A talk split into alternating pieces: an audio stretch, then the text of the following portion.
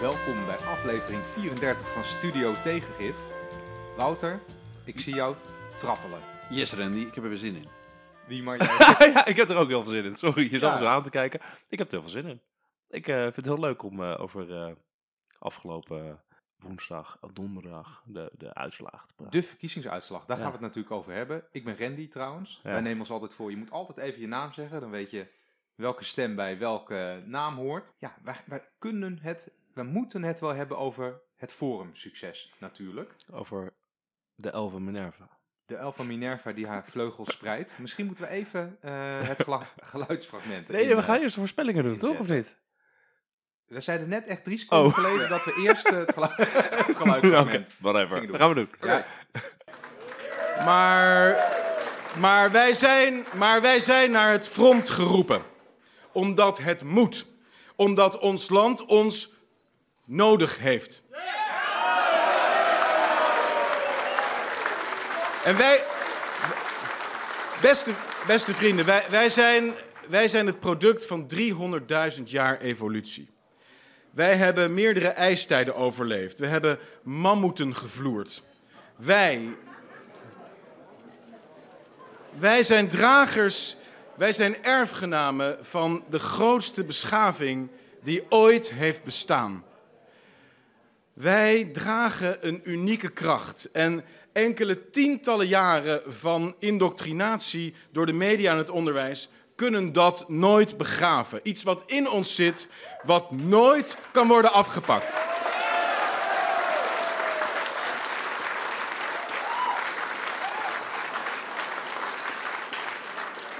En vandaag, en dat voel je ook in de zaal, vandaag hebben we gekozen om weer te strijden. Weer te dromen, weer te hopen, weer te vechten. daar, ja, er zit hier iemand in een lachkick. Wouter. De winnaar heeft altijd gelijk, hè? En dit, eh, dit, hier duidt de winnaar zijn eigen succes. Wouter, wij zijn naar het front geroepen. Ja, ik heb eh, in, in tijden niet meer dit soort dingen eh, gehoord. En het maakte bij mij ook ontzettend veel verschillende dingen los. Ik, ik denk wel eh, lang nagedacht over wat dit nou precies is. Want de, de meeste mensen die dit soort speeches houden voor zaal vol bomvolle, halfdronken mannen, die, die, die menen dat niet serieus. Maar ik had het gevoel dat deze man het serieus meende. Eh, en Dit was, ja. dit was bloedserieus, denk ik. Ja. Ja, maar mensen die. Ja, nee, hij is. eh, het- ik, het, wat, wat, wat leuk, of nou ja, wat interessant is aan wat hier gebeurt, is dat eh, de, de leider van in deze verkiezing de grootste politieke partij van Nederland. ehm, in alles wat hij zegt een soort van slag om de arm houdt dat hij misschien wel ironisch bezig is. Dus hij. eh, maakt, steekt ook een beetje de draak met zichzelf door eh, de hele tijd hyperbolen te gebruiken. Alles is, maakt hij groter dan het is. Eh, We zijn naar het front geroepen om het land te verdedigen tegen de, de, de eh, eh, barbarij en, eh, dat soort gekkigheid. Ehm, maar hij houdt de hele tijd een soort van ironische kwinkslag in alles wat hij zegt, waarbij je zou kunnen beweren dat, hij, dat het toch een grapje is. Nou, ik vond dat het meest naar voren komen bij... Hij, op een gegeven moment zegt hij iets over de boreale wereld. En dat is een soort eh, term die volgens mij door Mar- eh, Jean-Marie Le Pen of door Mussolini of zo voor het eerst is gebruikt. En dat was een beetje... Het betekent eigenlijk het witte Europa. Ehm, maar Thierry werd hiernaar gevraagd en hij zei... ze vro- joh. Ze vroegen, ja, bedoelt u daar dan ook mee hè, het Europa met Arische wortels? Zegt hij, nee, nee, nee, nee, dat is gewoon een, een mooi woord voor het noorden. Het, noorderlicht en bla bla bla. Dus hij houdt inderdaad altijd dat achterdeurtje van ik ben, hè, ik ben niet serieus. Terwijl eigenlijk weet iedereen hè, wat hij bedoelt. En door dat achterdeurtje vlucht hij dan. Als iemand zegt van, hé, maar is dit niet een heel eng, eh, eng fascistische term die je nou gebruikt? Ik vind, ik vind ja, dus eh, wat, wat het angstaanjagende is, dat de mensen die erin willen horen eh, van eh, dit is iemand die voor ons opstaat, eh, wij zijn iets wat eh, xenofobe eh, personen, die horen dat. Maar mensen die eh, een slag om de arm willen houden en zeggen van nee joh, het valt wel mee en eh, hij bedoelt het niet echt zo hard en, en, Mhm. en die, die, die linkse gekkies die zien allemaal vergelijkingen die er niet zijn, die kunnen ook voor zichzelf zeggen van zie je wel, het is wel oké. Ehm, eh, en en dat, dat, dat maakt het denk ik voor iedereen een beetje ongrijpbaar. En die ongrijpbaarheid is, is weer de, de, eh, de- kracht voor heel veel mensen. En, Ja, de ongrijpbaarheid was natuurlijk de L van Minerva. Hè? Dat heeft op eh, Twitter zoveel losgemaakt. Ja. Mensen wisten niet wat hij bedoelde. Ik vond van dit, dit eh, fragment dat we nu geluisterd hebben, jullie slaan aan op we zijn naar het front geroepen. En nou, ik lag er dus in de, De omdat je weet dat ik dat stuk, we hebben ijstijden overleefd en we hebben mammoeten gevloerd. Daar moet ik zo om lachen de hele tijd. Ik vind dat dat ook veel te weinig aandacht heeft gekregen, dat, dat, hij dat, dat hij dat dus echt zegt. Wat bedoelt hij daar dan mee? 300.000 eh, jaar evolutie. We hebben ijstijd overleefd, we hebben een mammoet gevloerd. En ik zie dan ook echt de hele tijd een Thierry Baudet die dan een mammoetpootje zo'n, eh, pootje haakt. nee, dus ik, ik, vind het, ik vind het gewoon geweldig dat hij dit, eh, dat hij dit zegt. En, maar het, het laat mij ook zien dat het een... Ik heb dat dus helemaal bekeken, die, die speech. Het is ook Ja, een enorme, niet- war, warrige gebeurtenis. Dus het is ook een beetje... Iemand noemde het een hallucinerende speech. Dat is het ook een Nou, beetje. je wat mij opvalt? Toen we net dat fragment even bekeken. Ja. eh, hij maakte natuurlijk ook een beetje de fout door pas te gaan spreken toen iedereen al tien bier achter de kiezen had. Ja, En ja. dat merk je ook in die zaal. Dat ja, maar bij de mammoeten ga ik iedereen lachen. iedereen begon te Ik dacht dat lachen. hij een grapje maakte. Ja, en ik denk nog steeds dat... Ja, ik lag daar eh, heel goed om. Ik vind het... eh, ja, hey, we moeten even terug naar Mhm. iets wat ehm, jullie vooral, de vorige aflevering, heel, heel goed hebben gedaan. Daar hebben we ook allemaal reacties op gekregen. Wij doen altijd allemaal voorspellingen. Eh, en ik heb hier een soort lijstje van vooral dingen die jullie zeiden. Eh, voorspellingen over wat er ging oh. gebeuren. bij Dat, deze dat deden wij een week, negen dagen voor de, voor de Provinciale Statenverkiezingen. Deden wij voorspellingen. En toen was er nog helemaal niks aan de hand en het bleek de saaiste verkiezing ooit te worden. En toen zei jij, Wiemar, eh het gedoe rond het, het klimaatakkoord, de doorrekening daarvan, gaat heel veel gedoe eh, geven. Dat gaat een shitstorm, heb ik opgeschreven, eh, veroorzaken over de verdeling eh, van de lasten. Eh, toen zei je daarna als een soort Nost- Nostradamus, onverwachte gebeurtenissen van buiten kunnen wel de verkiezingen nog helemaal eh, overhoop gooien. Eh, en jullie zeiden daarna, deze verkiezingen die over klimaat gaan, dat, die zullen goed, onder andere over klimaat gaan, die zullen goed zijn voor de voor- en tegenstanders, GroenLinks en Forum. en slecht voor PVV, SP en partijen die daar dus niet echt een programma op hebben. En Wouter, jij voorspelde nog een duidelijk hogere opkomst. Nou, chapeau jongens. Ja, schijnbaar is het eh, jezelf op de borst kloppen is weer ingeworden. Dat doet ook eh, de leider van, eh, van het Forum voor Democratie heel graag. En eh, ja, we- dit, dit hadden we toch een paar keer wel redelijk goed eh, eh, eh, voorspeld. Ik vind vooral die, die eh, voorspelling van ons angstaanjagend. Daar werd ik zelfs op aangesproken door mensen Ja, van... eh, dat er die gebeurtenis in Utrecht, dat, dat wij voorspeld hadden, er gaat iets gebeuren wat het hele eh, debat rond de verkiezingen eh, in de war gaat gooien. En eh voor HIP, eh, eh, daags voor de verkiezingen, eh, is, is er een aanslag die toch echt wel het, het sentiment domineerde rond die verkiezingen. Ja, want we zeiden over in het weekend of net na het weekend gaat er iets gebeuren. Een externe gebeurtenis kan het zijn die politici gaan gebruiken omdat ze stemmen moeten winnen. En het kan zoiets zijn zoals de eh, Turkije-rellen in Rotterdam twee jaar terug. En dan, Ja, eh, met die ambassadeur het, met die die per se, ambassadeur die, die per se wilde spreken en toen teruggehaald werd. En ik, ik moet, eh, nou, maandag toen dat gebeurde, toen, nou, toen, eh, nou, dat was enigszins eh, Nou ja, heftig. Ja, Nou ja, weet je, kijk, leuk om dit even terug te halen. Als je heel veel voorspellingen doet, zit je altijd een keer goed. Want eh, ik zat bij al deze punten er volledig naast, geloof ik. Maar goed. hey, Jij zei, we moeten even de Ja, nee, laten we roepen. laten we ja, daar wat zei je ook over het. Forum voor Democratie? Ik zei nou, eerst zien dan geloven. Die gaan lang niet zoveel stemmen halen als uit de peilingen blijkt. precies. precies. Dus eh, Wouter, wij doen vanaf nu doen wij voorspellingen, ja? Laten we dat afspreken. Ja, laten we dat doen. Hey, hey, eh, deze verkiezingsuitslag. Eh, wat, wat, wat, betekent, wat betekent die nou? Is Nederland nu opeens een, een rechtspopulistisch landje geworden, Wouter? Of wat, eh? Nou, wat, wat, ik, ik heb eh, een paar dingen eh, bedacht van wat hier eh, aan, de, aan de hand is. En eh, eh, dit, is een hele goede vraag om te stellen. Van zijn we nou een soort eh, eh, xenofoob, eh, nostalgisch eh, land geworden? Ehm, eh, als je het heel positief wil bekijken, zijn er twee, denk ik, hele positieve dingen te benoemen. Namelijk dat mensen zijn gaan kiezen. Dus je ziet dat het hele eh, eh, electorale veld is helemaal uiteengeslagen. En er zijn ongeveer tien partijen die eh, rond de 10% van het electoraat weten te bereiken. Dus wat er gebeurd is, is dat de, de finale slag is toegebracht aan eh, de partijen die tot 2000 stabiel altijd op ongeveer 20% van de, de zetels konden rekenen. Dat is nu eh, helemaal afgelopen. En er is voor, voor allerlei partijen kunnen, als ze een aansprekende leider hebben of een keer een goed verhaal, kunnen ze flink wat bereiken. Nou, dat, is, dat is denk ik best positief, want mensen zijn dus actief gaan kiezen. Want Forum is de kleinste, grootste partij ooit. Ja, dat, dat is eigenlijk, als je, als je gewoon, weet ik veel, als je een soort politicoloog bent en je kijkt vanaf, vanaf het buitenland naar Nederland en je kijkt hoe gaat het daar met de democratie, dan is het heel positief dat mensen actief flink zijn gaan kiezen. Dat je niet meer stemt op die partij, want daar stemde je vader ook op, of eh, dat, dat deed je nou eenmaal. Eh, mensen zijn heel erg, de, de, de, het electoraat is flink gaan veranderen. Een ander positief ding vind ik wel dat, ehm, dat het is een beetje, je kan er heel raar over denken, maar de eh, leider van de partij die het grootst is geworden, die heeft een, nou voor zijn kiezer een positief verhaal. Die zegt van, eh, ik heb een, een plan met Nederland eh, en ik wil hier en daar naartoe. Het is niet alleen maar van, het is ellendig, dat is slecht en, en de boel gaat naar de ellende. Maar die heeft een soort, ja, die, die heeft een plan. Eh, en dat, dat, is, dat is best een, eh, ja, eh, schijnbaar slaat dat dan toch aan. Dat, Ja, je hebt twee toekomstbeelden eigenlijk. Hè? Je hebt er nu eh, twee hele... Je hebt een, een Thierry Baudet met Forum voor Democratie die een conservatief toekomstbeeld neerzet. Hè? Dus een positief beeld, maar eigenlijk maakt maak Nederland weer groot. Net als vroeger. Want we zijn een...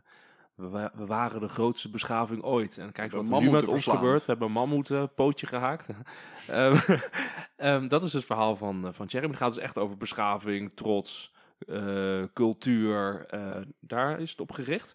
Maar voor de mensen die erin geloven, heel positief. En aan de andere kant heb je natuurlijk Jesse Klaver en eh, GroenLinks, die een progressief positief verhaal houden. Dus niet conservatief, maar progressief. En dan natuurlijk vooral zitten op klimaat en op, Gaan een duurzaam economie. land worden. Gaan een duurzaam land Ja. worden. Dus de- die twee, die hebben toch wel nou, veel stemmen gehaald.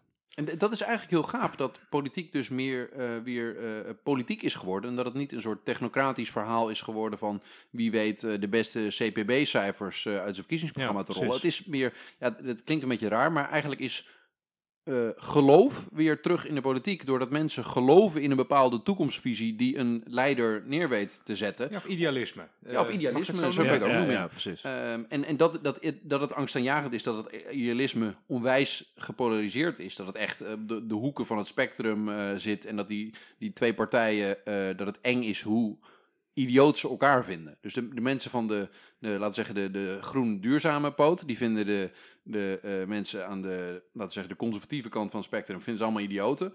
En andersom ook. Ja, en ze zoeken ook expres die strijd hè, tegen elkaar. Dus hè, je zag het, eh, Jesse Klaver echt probeerde in de laatste week er een strijd van te maken Ja, tussen... Dan moeten we het tussen even over eh, deze ja, die komt eraan. maar Hij probeerde Ik heb hier, een, ik heb hier een soort als een soort opaatje heb ik een soort stukje uit de krant geknipt. eh, van vandaag geloof ik, of van zaterdag. Eh, van D66. En wat zie je daarop? Dan zie je links eh, Rob Jetten. En rechts zie je dan eh, Thierry Baudet. En dan staat er, nu is het moment. Word lid D66. Alsof, alsof het hele feit dat, dat Baudet bestaat, dat is zo angstaanjagend dat mensen maar lid van D66 moeten worden. Ja, maar dat is natuurlijk het, wat D66 ook deed met Wilders. Wat natuurlijk voor Pechtold toen heel goed werkte. Van, wij zijn niet, eh, niet zozeer D66 met een eigen verhaal, maar wij zijn vooral de tegenpol van Wilders. En daarvoor Ja. moet je op ons stemmen. Dat heeft natuurlijk voor Pechtold heel goed gewerkt. Nu probeert Jet het opnieuw. Alleen wat natuurlijk het lastige is, is dat ehm, ze kunnen zeg maar op de, op de progressief-economische kant kan D66 wel tegen Baudet staan. Maar Baudet heeft nu ook de klimaatkaart getrokken en gezegd van wij zijn, eh, de, de, wij zijn de klimaatontkenners. Eh, en daar heeft D66 natuurlijk te weinig profiel op. Dus het wordt nu heel duidelijk Klaver tegen Baudet en niet zozeer Jette tegen Baudet. Dus de, wat hij nu doet, eh, wat D66 nu probeert, dat, dat is voor, voor mij denk ik kansloos. Niet Gaat niet lukken, want Klaver heeft een veel sterkere positie hierin nu Ja, tegen ik, Baudet. deze advertentie, eh, we moeten misschien even ergens een linkje in de, in de show notes doen, dan kan je het zien. Ja, bij mij roept het heel veel weerzin op. ja, En ik kan het daar niet helemaal goed onder woorden brengen, maar het is, Ja. eh, het voelt voor mij niet goed om een ander politicus dan zo aan te wijzen. eh, als zijnde van, oh, dit is zo, dit is zo erg wat hier gebeurt. Eh, nu moet je lid van ons worden. Nou, ik denk dat dat weer ook eh, lijkt op dat, dat verhaal van eh, het idealisme dat terug is. Als jouw idealisme is dat die ander is een eikel, eh, dan voelen mensen uiteindelijk ook van, nou, maar wat is jouw plan dan? En eh, je, ik weet nog dat laatste eh, debat, volgens mij op de dinsdag voordat de verkiezingen waren, had je ook een klein debatje tussen eh, Klaver en Jette. En Klaver deed daar heel slim, deed hij van, nou, volgens mij ben je het gewoon mee eens. Ik weet niet waar wij het over moeten gaan hebben, want... die, en daaraan voelde je dat hij heel slim Jette in de positie bracht van, laat maar eens zien hoe je anders bent dan wat GroenLinks vindt. En Ja. nou, voor de Forum voor Democratie stemmer ben ik de antichrist, dus ik ben goed en eh, jij bent met mij. Ja, nou ja, ik denk dat D66 en GroenLinks absoluut in precies dezelfde eh, vijver vissen. Je ziet dat ook in die, in die steden, in die gemeenten waar eh, de vorige keer D66 de grootste werd en nu GroenLinks de grootste is geworden. Dus Amsterdam en Groningen en dat soort, eh, dat soort steden, Utrecht geloof ik. Eh, ja, het is gewoon hetzelfde, het, het is gewoon hetzelfde vijvertje. Ik, over, ik wil één ding over GroenLinks zeggen. Ik vind dat een mooie partij, hè? Prima partij, kan je absoluut gewoon op stemmen. Gaat helemaal niks mis. Dat is eh, het stemadvies van, eh, van eh, meneer Martens. Die zijn oké, die krijgt het stempeltje oké. Eh, maar ehm, GroenLinks gaat, gaat het meubilair niet redden eh, voor links, valt mij op. Er zijn Waarom wat- denk je dat? Waarom denk je dat? Ja, GroenLinks heeft geen appeal buiten de, eh, buiten de hoogopgeleiden in de grote steden. Voor. Ik heb ook als een oude man wat dingen uitgeknipt. En ik eh, probeer nu, eh het klopt, je hebt het over de steden en over de niet-stedelijke gebieden. En welke Ja. partij dan wat binnenhalen. Oh, ja, kom maar door. En dit is dus het interessante wat je bij GroenLinks ziet. Die haalt dus ehm 17% ehm, van de stemmen in een zeer stedelijke omgeving, GroenLinks.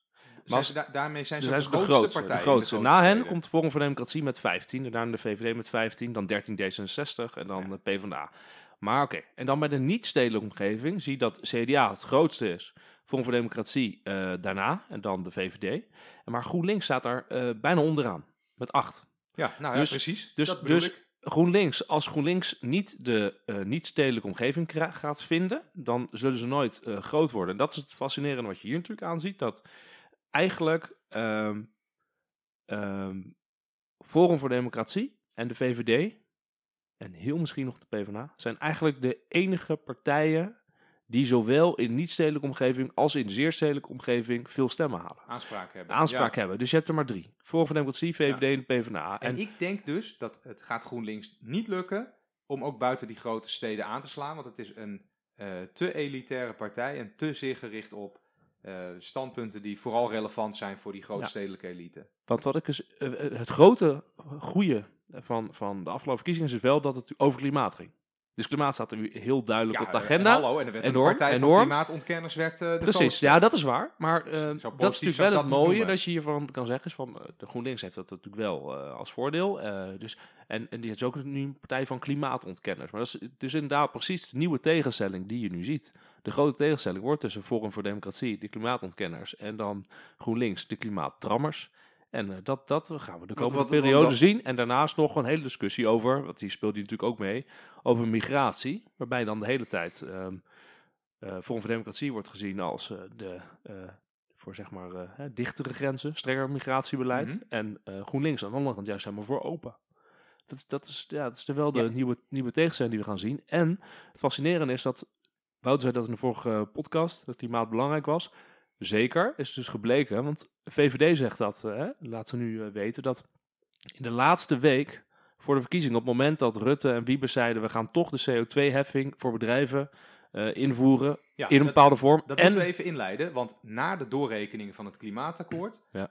maakte VVD opeens een draai Ja. als onderdeel van de regering. En zij zeiden, de coalitie zei toen, we gaan toch, wat we eerder niet wilden, maar we gaan toch een eh, CO2-belasting invoeren voor bedrijven. Zodat burgers niet eh, het volle gewicht van die energietransitie moeten dragen Ja, financieel. precies. En eh, dat, die, dat verschil, want de VVD deed dat met het idee van we moeten laten zien dat we de lasten van het, eh, van het klimaatakkoord dat we eerlijk gaan verdelen. Eh, dat was natuurlijk het idee. Ehm, maar het probleem was dat ze dus daarna in hun eigen peilingjes en onderzoeken zagen dat dus kiezers bij hen eh, gingen weglopen naar Forum voor Democratie. Ja, Omdat die zoiets hadden van allemaal van, ja, oké, blijkbaar is de VVD de partij die dus het klimaatakkoord eh, gaat, eh, gaat, eh, gaat uitvoeren en ook nog eens een keer eh, bedrijven gaat belasten. Nou, Dus ik, ik vind dat, dat is wel heel interessant, dat, het dat Forum voor Democratie heeft hier dus eh, gewonnen op klimaat ten opzichte van de VVD. En je kan ook achteraf zeggen dat die move van de VVD, waarom hebben ze dat gedaan voor de verkiezingen? Want na de verkiezingen had ook nog gekund. Ja, ik denk dat zij zich vergist hebben en dat ze Ehm, ja, moet je kijken, mo- moet maar even oppassen. Kijk, politiek is ook niet alleen maar opportunisme. Hè? Ja. Eh, ik ga ervan uit wat de VVD echt wil, is bedrijven niet te veel belasten. Ja. Want eh, daar zijn zij voor. Eh, ik denk dat zij, ja toch, Ja. iedere partij moet doen waar die voor is. Dit is waar de VVD voor is. Ik denk dat ze het een beetje benauwd kregen, dat kiezers weg gingen lopen naar GroenLinks en D66. Eh, en ook heel veel eh, deskundigen. VVD-kiezers? Die Nou, of lopen dat niet naar GroenLinks GroenLinks. te groot zou worden. Nou ja, waarom zou je anders voor de verkiezingen eh, deze draai maken? In plaats van inderdaad, wat Wiemar zegt, na de verkiezingen. Ja, ik dat eigen kiezers vanuit de VVD gezien, want er waren dus twee VVD-bewindspersonen die deze move maakten en ook gingen verdedigen. Eigenlijk had je dit vanuit VVD-perspectief natuurlijk, als je dat wil doen, na, de verkiezingen ja, moeten ja. doen, moeten wachten hoe groot GroenLinks, Ja, PvdA en dergelijke waren worden, en dan pas. Maar stop hoor, er was, er was een belangrijke peiling vlak voor de verkiezingen, waaruit bleek, eh, volgens mij hebben we die ook besproken, dat de electoraat van alle partijen waren in meerderheid voor een CO2-belasting Ja, ja, op bedrijven. Vanwege waarschijnlijk, en dat werd dan toegewezen aan de koopkracht van huishoudens. Ja, die dus ja, ja. hè, die, die hele rekening moesten gaan betalen. Ja, dus toen zijn ze toch door de pomp gegaan. Ik vind dat, Blijkbaar. die, die wilde ik sowieso wel noemen. Dat, eh, jullie noemden net de, de VVD al meermaals. Mag ik dat al zeggen? Mijn theorie over de, het eh, uiteenvallen van het huwelijk van de VVD. Ja, ja kom maar Ja, door. want, Ja, hoor. ehm, we hebben het eerder hebben we het wel gehad over. ehm, eh, toen, toen waren wij eh, nog niet aan het podcasten, maar toen stortte de PvdA ineen. En dat was eigenlijk. Nou, de PvdA was altijd een huwelijk geweest tussen. Eh, hoger opgeleide mensen die de sociaaldemocratie hadden ontdekt en besloten dat het juist was, arbeiders en migranten. Er waren drie groepen die eh, voelden zich verenigd in de Partij van de Arbeid. En eh, twee trokken weg, namelijk de arbeiders en de migranten. En toen waren er alleen nog negen zetels aan hoger opgeleiden over. Dat was het huwelijk van de PvdA. Wat kapot ging. dat ging kapot, want ja, er was nog maar één groepje over. En er waren andere partijen die konden het beter doen voor migranten en voor arbeiders. Het huwelijk van de VVD, daar hebben we het ook al eerder over gehad. Dat is in de basis eh, mensen die eh, een soort vrije marktidealisten zijn. Die geloven dat kapitalisme zoveel mogelijk met rust gelaten moet worden. En dat de, de, eh, de vrije markt eh, een goed ordeningsmechanisme voor de maatschappij is. En die hebben een soort huwelijk gesloten sinds Bolkestein aan het einde van de jaren negentig. Met mensen die enigszins cultureel conservatief zijn. Dus je hebt eh, mensen die geloven in openheid, concurrentie en vrije markt. En die hebben een, in mijn ogen best wel vreemd huwelijk gesloten met mensen die zeggen... nou, eh, de Nederlandse cultuur is best wel mooi en superieur... en die moeten we bewaren en we moeten niet veel vreemde invloeden daarop loslaten. Ja, dus En- eigenlijk gewoon de liberale vleugel en de conservatieve Ja, vleugel. die hebben elkaar gevonden hoort. en daardoor is de VVD de grootste partij geworden. Zijn ze Vleugel tien jaar lang Vleugel Verdonk. Toen de tijd, Nou, die, zijn, die die, strijd. zijn, eh, die hebben een huwelijk gevo- eh, gevormd. En wat, je, wat, wat ik heel interessant vind, is dat wat ik denk met deze verkiezingen gebeurd is, is dat die twee vleugels van de VVD zijn aan het eh, klappen. Die zijn uit elkaar aan het trekken. Want de echt conservatievere mensen, die ehm, raken ervan overtuigd dat migratie en dus de- het, het beperken van de invloeden op de Nederlandse cultuur, dat dat toch belangrijker is dan eh, die, die eh, vrije markt en Ja, dus die ondernemers gaan naar gang laten toe. gaan. Die gaan naar Cherry. Die gaan naar Jerry. Ja. En de, de liberalere mensen die denken van nou, doe niet zo gek met die, die quasi-xenofobe hondenfluitjes aan racisten. Ehm, dat moet je niet doen.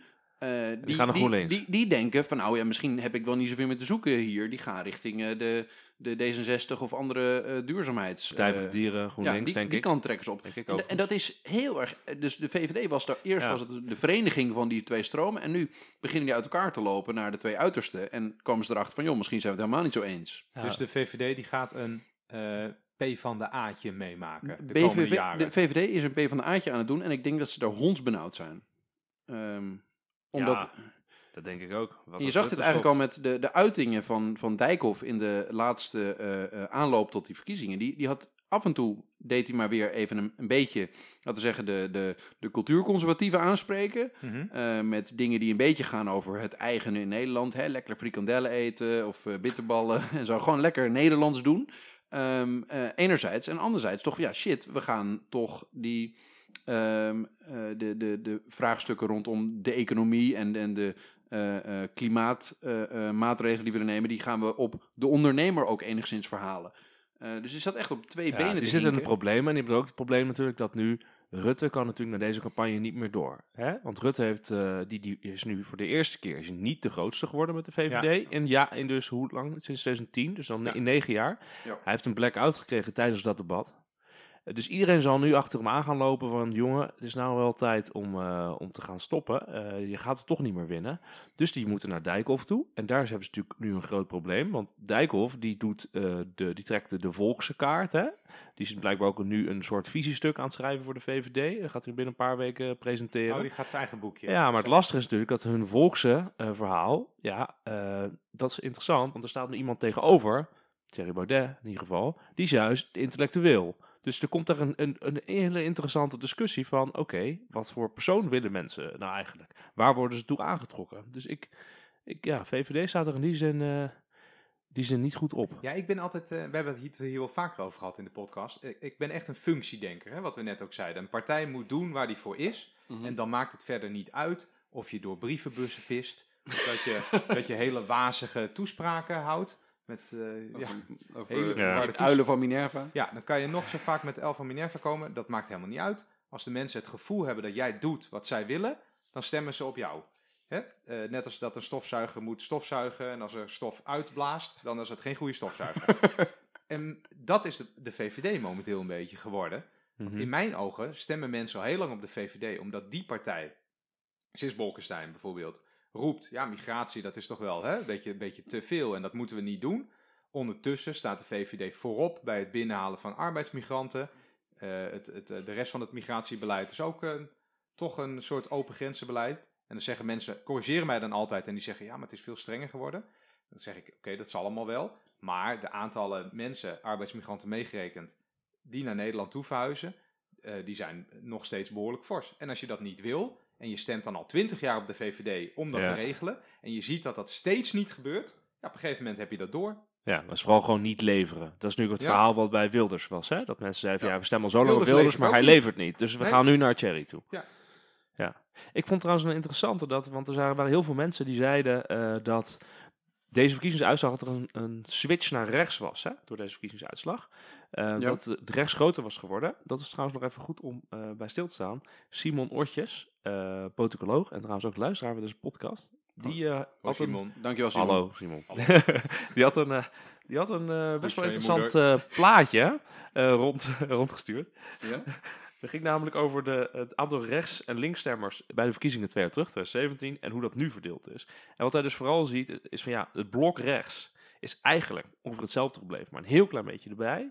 Maar wat er vooral is gebeurd, is dat gewoon de VVD en CDA super veel kleiner zijn geworden. eh, en de PVV natuurlijk. En dat Forum Ja. voor Democratie e- enorm is gegroeid.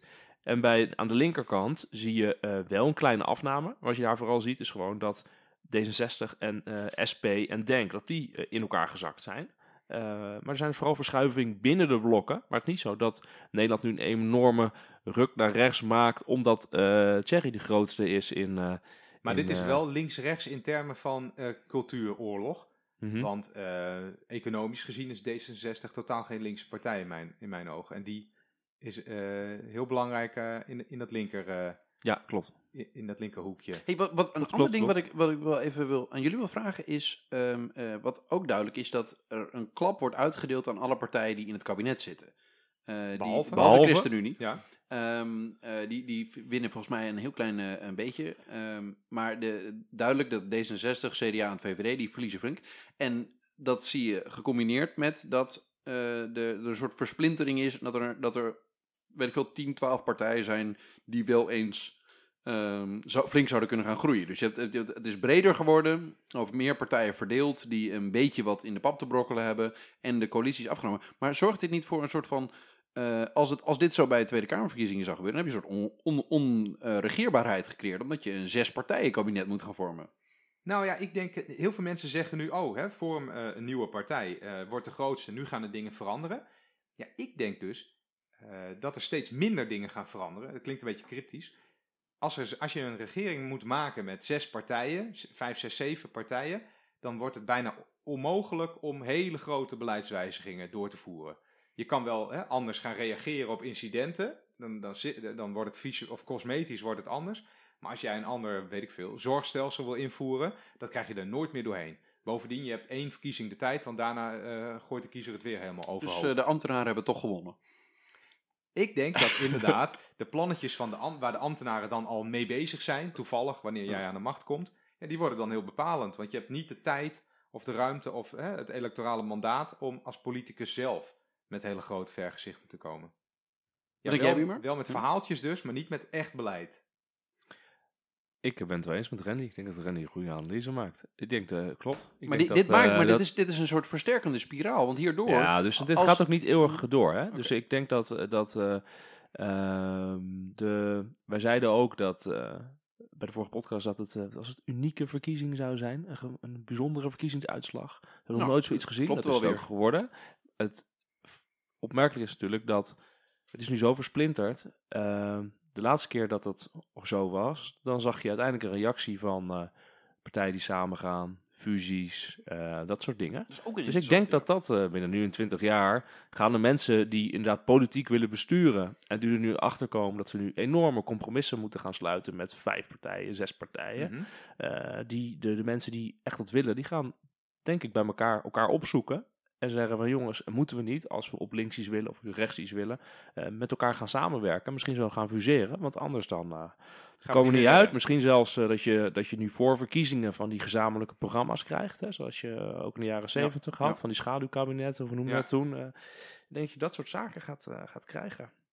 Ik weet niet welke kant het op gaat, maar ik denk wel dat de partijen samen gaan. En ja, wat ik trouwens nog heel bijzonder vind, is de vraag... Thierry Baudet kan natuurlijk zomaar heel groot worden op het moment dat Wilders nu een keer stopt. Ik vond het zo opmerkelijk dat Wilders zo positief was richting Thierry.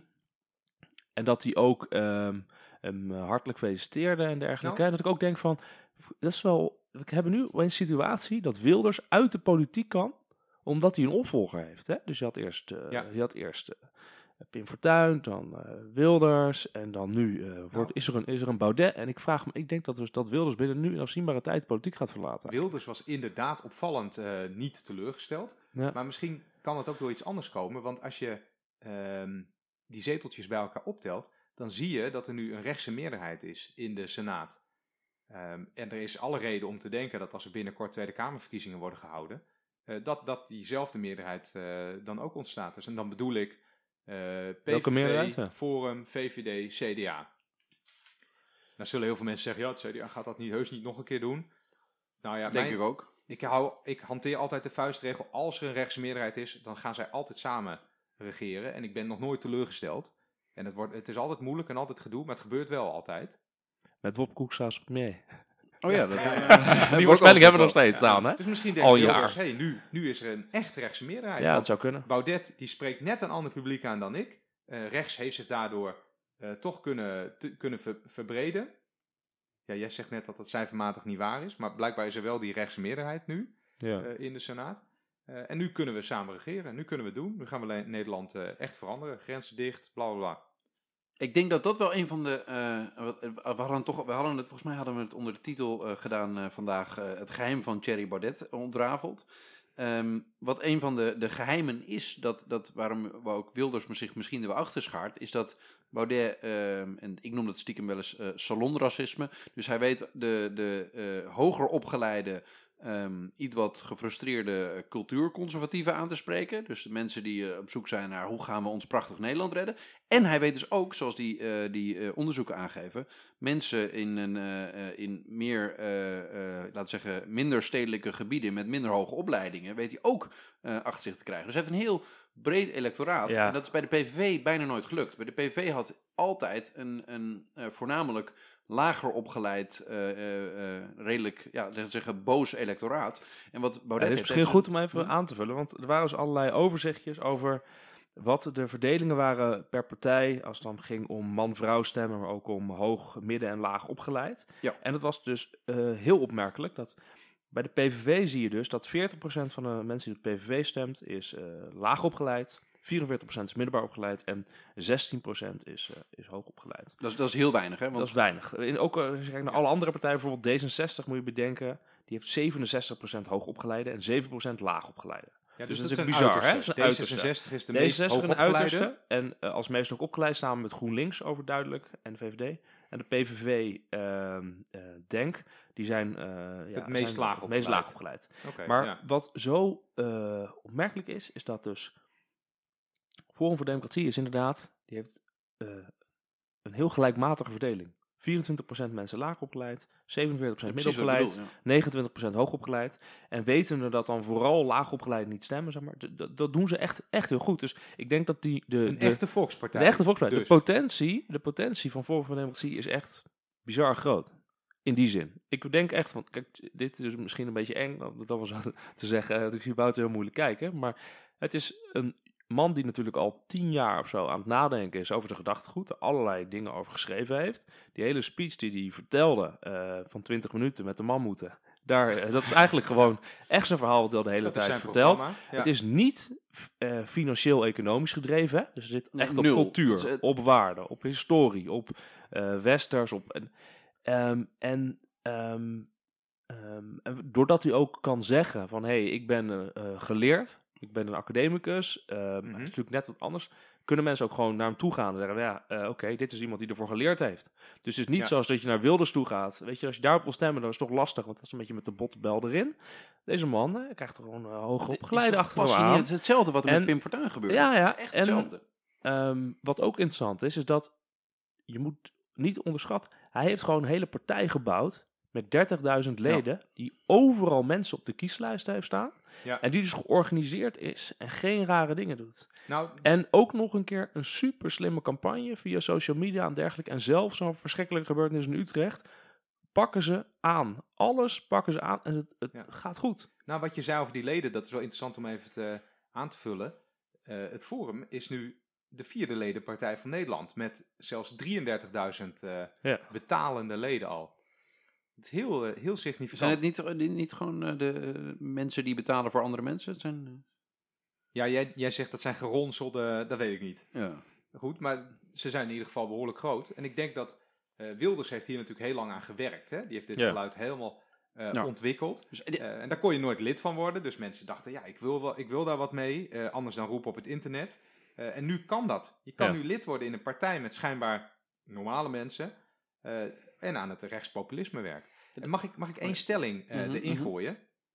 Ik denk dat je kan zeggen, het rechtspopulisme is volwassen geworden. Ja. Want onder Wilders was het nog een beetje, nou, een beetje roepen, een beetje boos en soms ook een beetje dom roepen. Ehm, en eh, bij Baudet, dat is ook een stel, dat is, ik ga iets heel gek zeggen nu. Wat hij vertelde in die 20 minuten durende toespraak met de El van Minerva en zo, dat was een coherent verhaal. Het was wel een heel raar en wazig verhaal, Ja. maar de politieke standpunten die daarin verborgen zitten, namelijk hij zei zoiets van, ja, er is een elite aan de macht en die maakt Nederland kapot. Eh, dat zijn wetenschappers, eh, linkse wetenschappers, linkse journalisten. Partijkartel. Ja. Partijkartel. Ja, precies, het partijkartel. Dat is niet iets, daar heeft hij zelf natuurlijk al tien jaar over nagedacht, wat jij zei. Maar dat is ook iets wat, wat in heel Europa nu het verhaal is. Hè? In Italië is dat het Ja. verhaal, in Spanje is dat het verhaal. En je leest ook af en toe in de krant, oh ja, dan zeggen populisten uit Spanje, van Fox bijvoorbeeld, ook een rechtspartij.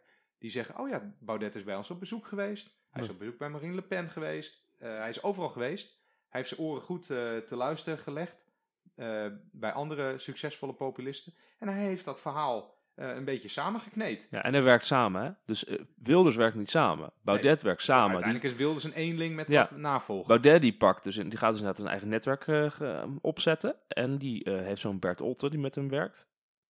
En die heeft een Hiddema. En een hele groep mensen die gewoon die hele Ja. campagne voor hem, voor hem draaien. Mensen die ook Dus wel die Epping, soort van wat die kunnen. wat kunnen. Ja, dus hij, hij trekt. eh, Dus, eh, ja. Ja, dus, dus hij heeft een, een cirkel van capabele mensen om zich heen verzameld die een apparaat neer kunnen zetten dat eh, blijvend eh, een campagnemachine is. Ja, waar en hij zit eigenlijk- precies op de plek waar, waar zeg maar, ehm, waar in Nederland ehm, de meeste kiezers zitten. Hij is namelijk sociaal, cultureel, conservatief.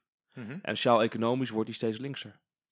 Ja, ja, ja, En ik denk dat. En daar, ik denk dat als je gaat wil hij ook nog aanpakken, verder doen. Als je een linkse partij bent en je wil hè, eh, hem een beetje dwarsbomen, dan moet je gaan kijken naar wat zij echt gaan stemmen.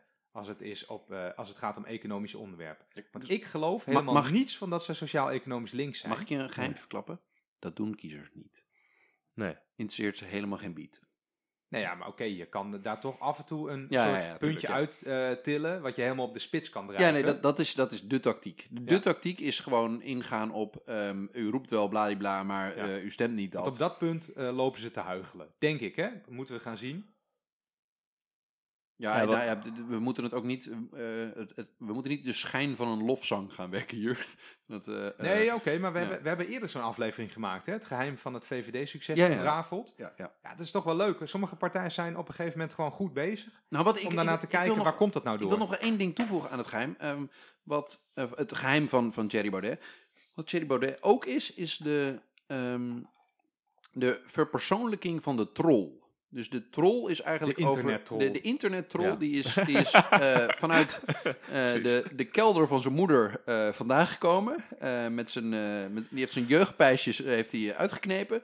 Die is weggegaan van 4chan. Die is slash poll, dat is het voor de kenners, dat is het, het forum waar de, de alt-right beweging op zit, heeft hij verlaten. En die, die is ja, als het ware het echte leven ingestapt. En die is eh, actief geworden bij Forum voor Democratie. Hij heeft heel goed ingezien, al, al eh, sinds volgens mij 2012 is hij actief mee bezig, sinds hij eh, gepromoveerd is.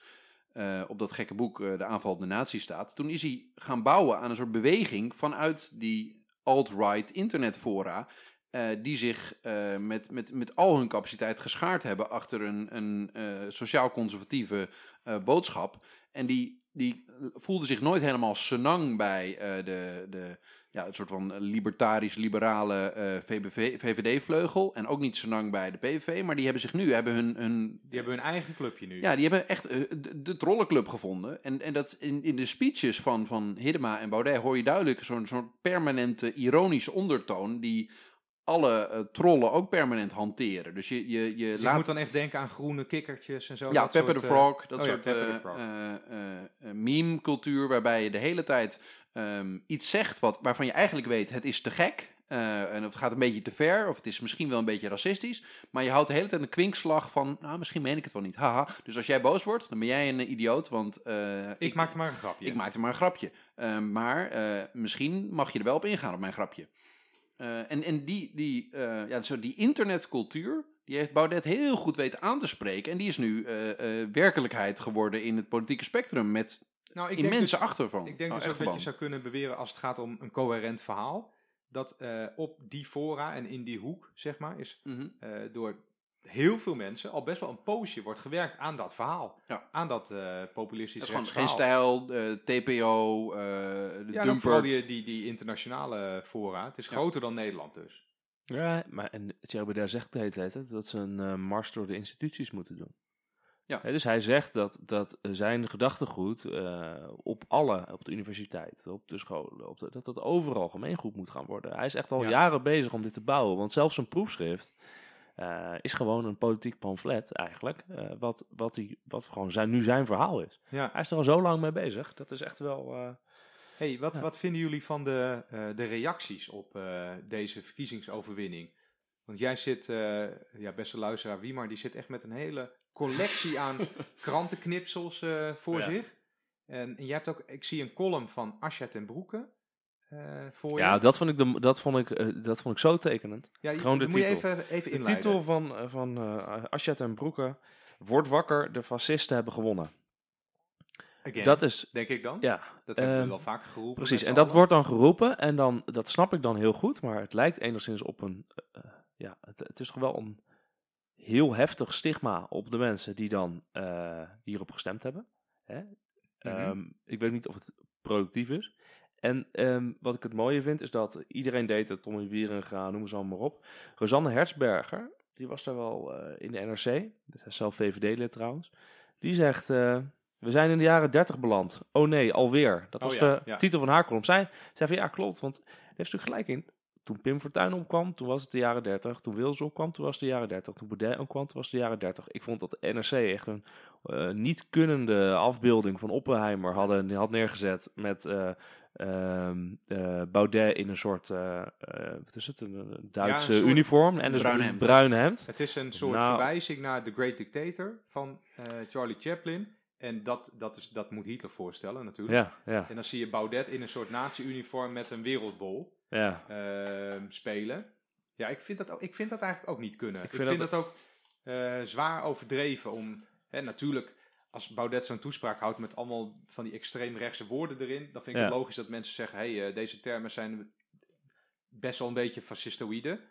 Maar we moeten, niet, we moeten ook niet zo overdrijven eh, in Nederland. Maar ik vond het gewoon vooral op- op- opvallend vond, is dat het allemaal, eh, de reacties waren allemaal hetzelfde, zoals, al, zoals dus bij, bij dus eh, Fortuyn en Wilders allemaal. En ik vond ook zo mooi dat, dat deze, hè, dat dan, de Volkskrant zei dat, die zei, Forum spiegelt de kiezers grootste, maar te simpele oplossingen voor. Dat hoor je altijd, hè, van Ja, elke is, populistische jij mag- partij. Jij en, mag hier niet op stemmen. Nee, Dit dus is, je mag er niet op stemmen, want dit is... En dan denk ik, ja, oké, maar dat is, we hebben het vaak hier over populisten gehad. Ja, dit werkt echt niet, jongens. Nou, dit, Dit- is, dit, dit is werkt een gewoon niet. Sterker nog, je maakt het op een- een vuurtje. Ja, je maakt, Ja. Het, maakt het alleen maar groter. Dus ehm, ja, ik vond het... eh, Ja, ik, ik eh, ben ook wel benieuwd of jullie nou ehm, geschrokken zijn van deze uitslag. Ik zie dus heel veel mensen die, die noemen dit weer een wake-up call en Nederland is opgeschrikt. Ik zelf, voor mezelf sprekend, ja, ik schrik hier helemaal niet van. Je hebt in Nederland al sinds Fortuyn heb je een groep mensen die eh, op dit soort partijen stemt. Eh, ik heb dat ook al vaak duidelijk gemaakt. Ik vind dat ook helemaal geen, geen, eh, geen schande waar ik heel erg van schrik. Mensen die stemmen op partijen die hun standpunten vertegenwoordigen. Ja, daar zijn redenen voor. En nu, nu hebben ze een nieuwe partij, waarbij ze denken, ja, die, die, eh, die doet het beter dan die oude partij, de PVV. Ja, what's new? Ik dacht, eh, eh, ik, toen ik de, op die woensdagavond televisie zat te kijken naar al die speeches, dus die speech van, van Theo Hiddema en, en Thierry Baudet, toen dacht ik, toen had, allemaal gekke gedachten door mijn hoofd, werd ik heel somber van en heel activistisch. Ik dacht, ik moet morgen de politiek in. Maar ehm, toen ik er daarna even een nachtje over geslapen had en rustig ging nadenken, eh, viel het eigenlijk wel mee. Want ik dacht, nou ja, het is goed dat er meer mensen gaan stemmen, dat mensen geactiveerd worden, ook al worden ze geactiveerd voor dingen waar ik het niet mee eens ben.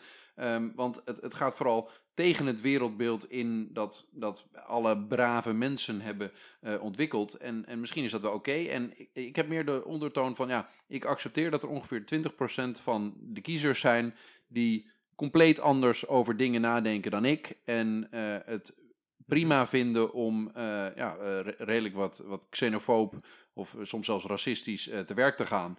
En ja, dat, dat zijn mensen waar ik het mee oneens ben. En zolang we elkaar niet de hersenen slaan, is dat prima.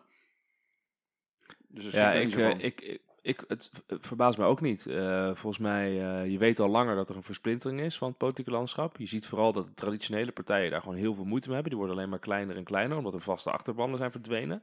Door allerlei zaken van eh, hogere opleiding tot hoger inkomen, tot meer informatie beschikbaar, digitalisering, migratie, noem het allemaal maar op. Dus die gevestigde partijen, die hebben gewoon ge- geen vaste achterban meer. En je ziet dat partijen die een nationalistische boodschap hebben, Hm. eh, dat als bindmiddel gebruiken richting kiezers, ja, dat die gewoon heel veel stemmen kunnen weghalen. Want het, dat, is de, dat is de enige manier nog om een, om een, vaste achterban te hebben. Een, een groep mensen gewoon aanspreken op een nationale identiteit. En Thierry eh, Baudet doet dat. Net zoals hiervoor eh PVV dat deed. En nou, die groep is, is ongeveer net zo groot als de PVV was. Is net zo groot als de LPF was. Dus het is die zin niet bijzonder wat Thierry Baudet doet. doet. Wat een grote bijzonderheid hier is, is dat de gevestigde partijen helemaal ingezonken zijn. En eh, dat ze- ook de nieuwe partijen die op zijn gekomen, GroenLinks, D66, Partij voor de Dieren, Mhm. die worden maar niet groot genoeg. Mag, mag ik Dus, dus dat is het, het grote probleem. Het grote probleem is niet PVV, is niet de Forum voor Democratie, is niet. Het grote probleem is dat er de, de gevestigde partijen dat die te klein zijn. Want ik denk dat het eigenlijk heel simpel is. De, de, het grotere verhaal van deze verkiezingen is dat heel veel mensen hun koopkracht niet hebben zien stijgen. En dat er maar een paar oplossingen zijn die aangedragen worden door politieke partijen van waarom dat zo is. En dat een van de oplossingen is eh, een soort van patriotistische, nationalistische boodschap. Eh, eh, er komen eh, volkeren binnen om onze welvaart af te pakken en daarom wordt, gaat het niet, met u niet beter. Dat is één kant van het spectrum. Aan de andere kant zijn er partijen die zeggen, joh, sociale ongelijkheid moet bestreden worden en eh, de wereld gaat naar de ellende, we hebben een duurzame boodschap. Dat zijn een beetje de verhalen die over zijn. En de partijen die zeggen, ja, de boel is wel de boel en het gaat wel lekker, die zien hun kiezers eh, weglopen. Dus Ja. de, de, de, de, de gemiddelde eh, persoon woont in Nederland in een heel erg eh, gelukkig land. Want het was ook dinsdag kwam die VN-peiling uit, of Ja, onderzoek ja. dat Dat het Nederland vijfde land van de wereld... vijfde gelukkigste land is. Maar het probleem is dus dat mensen niet meer het gevoel hebben dat ze nog gelukkiger gaan worden, maar dat de boel eh, onder hun vandaan aan het glippen is. Dat, dat hun kinderen het niet beter gaan hebben. En eh, nou, daar, daarvoor dienen zich eigenlijk maar drie verhalen aan. Eh, of we moeten een immense duurzame transitie doorgaan, of we moeten keihard inzetten op sociale ongelijkheid bestrijden, of we houden een nationalistischer verhaal. En daardoor de partijen die daar tussenin zitten, die, die zien nu een electoraat wegwandelen. Ik denk, ik denk dat je gelijk hebt. En ik denk ook ergens, ja, iedereen projecteert altijd zijn eigen, hoe zeg je dat, darlings op iedere uitslag. Ehm, ik denk dat eh, als je kijkt naar de Brexit, dat is ook heel interessant. Want daar zie je ook eigenlijk het failliet van een eh, bestaande eh, politieke orde. Ja. Hè, de conservatieve partij valt eigenlijk hier volledig door de mand. Het is toch een club amateurs en Ja. ze kunnen het niet en ze kunnen niet leveren, vooral. Ehm, en ik denk dat je dat, dat je dat ook in Nederland ziet. Dat is de, denk ik, de echte betekenis van deze verkiezingen. Wat jij net zei, wie maar alle gevestigde partijen hebben nu hun vaste achterban verloren. Want hiervoor had je ook LPF en PVV. Maar toen was er altijd nog een gevestigde partij, of eh, CDA, PvdA of VVD, die heel goed scoorde. En die dan de, ruggengraat werden van een eh, eh, regering. Ja, nu heb je voor het eerst dat er eigenlijk geen enkele gevestigde partij goed scoort. Nee, wat er dan dus... Kijk, er zijn natuurlijk al landen waarin dat gebeurt. Dus er zijn vooral landen die dus niet een systeem hebben zoals in Nederland... dat je dus eh, meerdere partijen kan stemmen en dan consensus Ja. moet bereiken. Wat je vooral nu moet, naar moet kijken is de landen waarin je maar tussen twee partijen kan kiezen. Ja, maar En wat daar soort gebeurd lui, is- eh, Natuurlijk gewoon Nee, maar de- ja, en wat daar dus gebeurt is, kijk naar eh, Amerika, daar is Trump is de grootste geworden. Kijk naar Frankrijk, daar is nu Macron uit het niks de grootste geworden, maar de ehm eh, Front National zit natuurlijk op de hielen. Hè. Ik weet niet wat daar gaat gebeuren. Ja. Kijk naar wat er, en dat is natuurlijk een ander verhaal, maar Italië, dat, dat zie je wel. En eh, dat, dat Baudet de premier kan worden, dat kan zomaar. In Oostenrijk heb je nu die Sebastian Kurz die daar eh, premier is. Dat is precies hetzelfde kan verhaal. zomaar gebeuren. Precies Zelfde hetzelfde verhaal als, eh als. Baudet. Dat Oostenrijk zijn echt ook een coalitieland. Ja. Ja. Ja, ik vind het, ehm, als, je het dus, als we het even naar het Europese plaatje kijken, dan zeg ik altijd, kijk naar Frankrijk. Ja. Ik was zaterdag, was ik, want Frankrijk heeft dat Oh, je was in Parijs. Ja. ja, ik was in Parijs op zaterdag.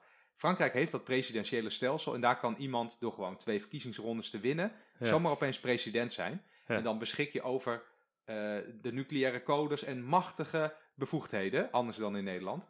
En ik was daar dus, Frank, eh, ik was daar, daar dus zaterdag Mhm. en ik liep met, eh, en met de mensen waarmee ik daar was, liepen we een beetje rond. En op een gegeven moment zagen we echt, eh, alles was afgezet. Er waren acht metrostations afgezet. En we zagen allemaal brandende gebouwen verderop. Je zag er echt, Echt brandend?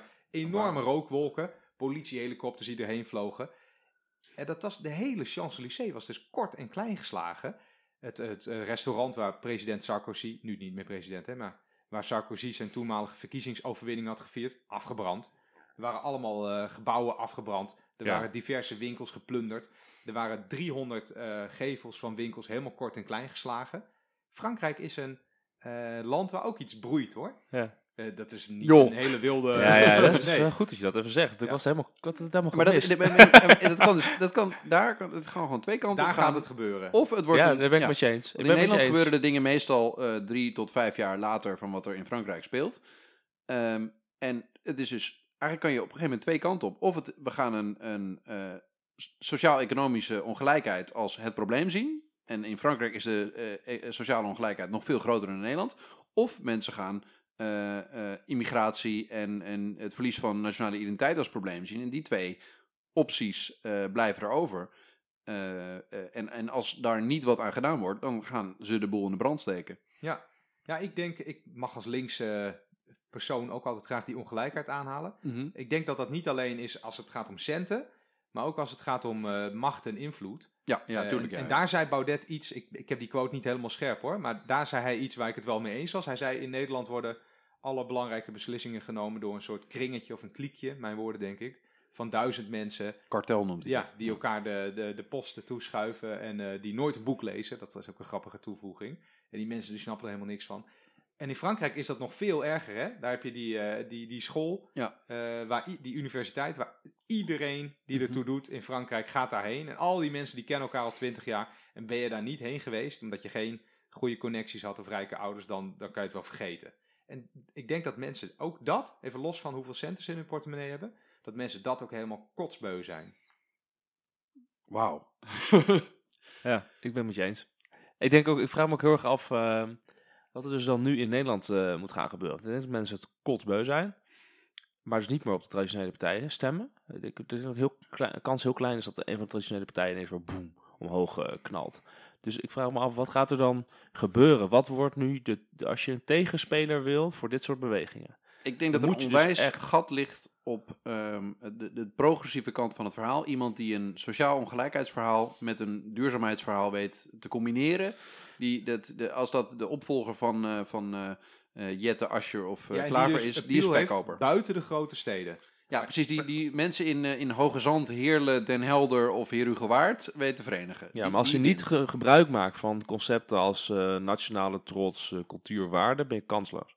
Ja, je moet een soort 100% van je posi- positief Je patriotisme ziet het ook bij Macron. Hè? Macron die gebruikte de Franse staat, door alle de vlaggen gebruikt hij en alle nationale symbolen. Dat is, heeft hij gebruikt om toch nog het gevoel te geven van oké, ik ben ook op het gebied van cultuur ben ik iets. Hij is niet alleen maar economisch. Ja. Sterker nog, dat is een zwakke punt. Hè? Daar krijgt hij nu heel veel tikken. Ik denk dat er absoluut voor links ook zo'n soort nationaal verhaal valt te vertellen.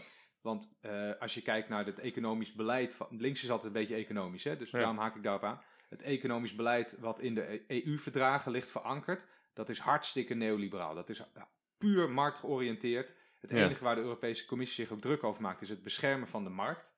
Ik las laatst ook weer een landenrapport over Nederland. Dat, dat kriebelt dan al bij mij. Hè? Dan Ja. gaan Europese ambtenaren die gaan dan een rapport opstellen hoe een land het doet. Hè? Dus kotsen en nog een keer kotsen. Maar dan eh, staat er ook een hele paragraaf in over de huizenmarkt. Dan denk ik al, eh, waarom, waar bemoei je je mee? Dat is een puur nationale aangelegenheid. En nog ergerniswekkender, daar staan dan altijd dezelfde dingen in. Sociale huur is te groot. Er moet meer ruimte voor de markt komen. Ja. Subsidies eh, aan betaalbaar wonen moeten afgebouwd worden. Dan denk ik, man, waar maak je je druk om? Je maakt je drukker om het beschermen van de markt, waar helemaal eh, geen marktpartij interesse in heeft, namelijk het bouwen van betaalbare huurwoningen. En je maakt je totaal niet druk over mensen die een huis willen. Ehm, en wat dus heel tricky is, Ja. is dat de, de groeperingen die de Europese Unie nog steunen, dat zit aan de linkerkant. Rechts heeft eigenlijk al gezegd, nou, hè, we gaan ons er vooral tegen afzetten om electoraal succes te halen. Maar het beleid van de Unie is economisch hartstikke rechts. Dus waarom zouden linkse mensen dat eigenlijk steunen? Ja, ik vind dat wel een. Hoe zeg je dat? Daar zit, daar zit iets. Daar zit ook heel veel e- electorale potentie. Ja, dus dat nationale verhaal, dat kan ook best wel op links eh, plaatsvinden, denk ik. Ja, maar kan het met de bestaande partijen, bestaande linkse partijen? Ik vraag, dat zit ik dus- dus steeds meer eh, af te vragen. Of het lukt om zo'n soort verhaal vanuit de bestaande links-progressieve partijen te vertellen. Want ik denk dat je, je hebt zoveel eh, bagage, daar mensen je op, op afrekenen. Dat is natuurlijk het interessante, zo'n LPF en zo'n eh, zo'n Forum voor Democratie en ook de PVV. Die beginnen een nieuwe partij, omdat ze dan geen bagage hebben. Eh, dat is natuurlijk, ja, Ik denk Dat dat, is een- nu nog niet, maar want in Nederland gebeuren de dingen allemaal wat langzamer. Maar als je eh, eh, één of twee Tweede Kamerverkiezingen verder bent, dan zou in Nederland ook zo'n snel opkomend iets aan de progressieve kant van het spectrum heel veel kans maken. Waarbij geen legacy in een soort van Ja. partij zit. Dus geen eh, eh, kader van mensen die eh, wethoudersposten bezet hebben en, en onderdeel van het systeem zijn. Eh weet je wat, wat Macron met En Marche heeft eh, gedaan in Frankrijk? Dat Mhm. vermoed ik dat dat aan de progressievere kant van het spectrum, wanneer je dus die boodschap van sociale ongelijkheid bestrijden en duurzaamheid, als je dat verenigt, eh, dan, eh, dan kan je zo'n klapper maken. Ik denk dat als wij bij podcast 100 zijn en het is nog niet gebeurd, dan gaan we ermee beginnen. Lachen.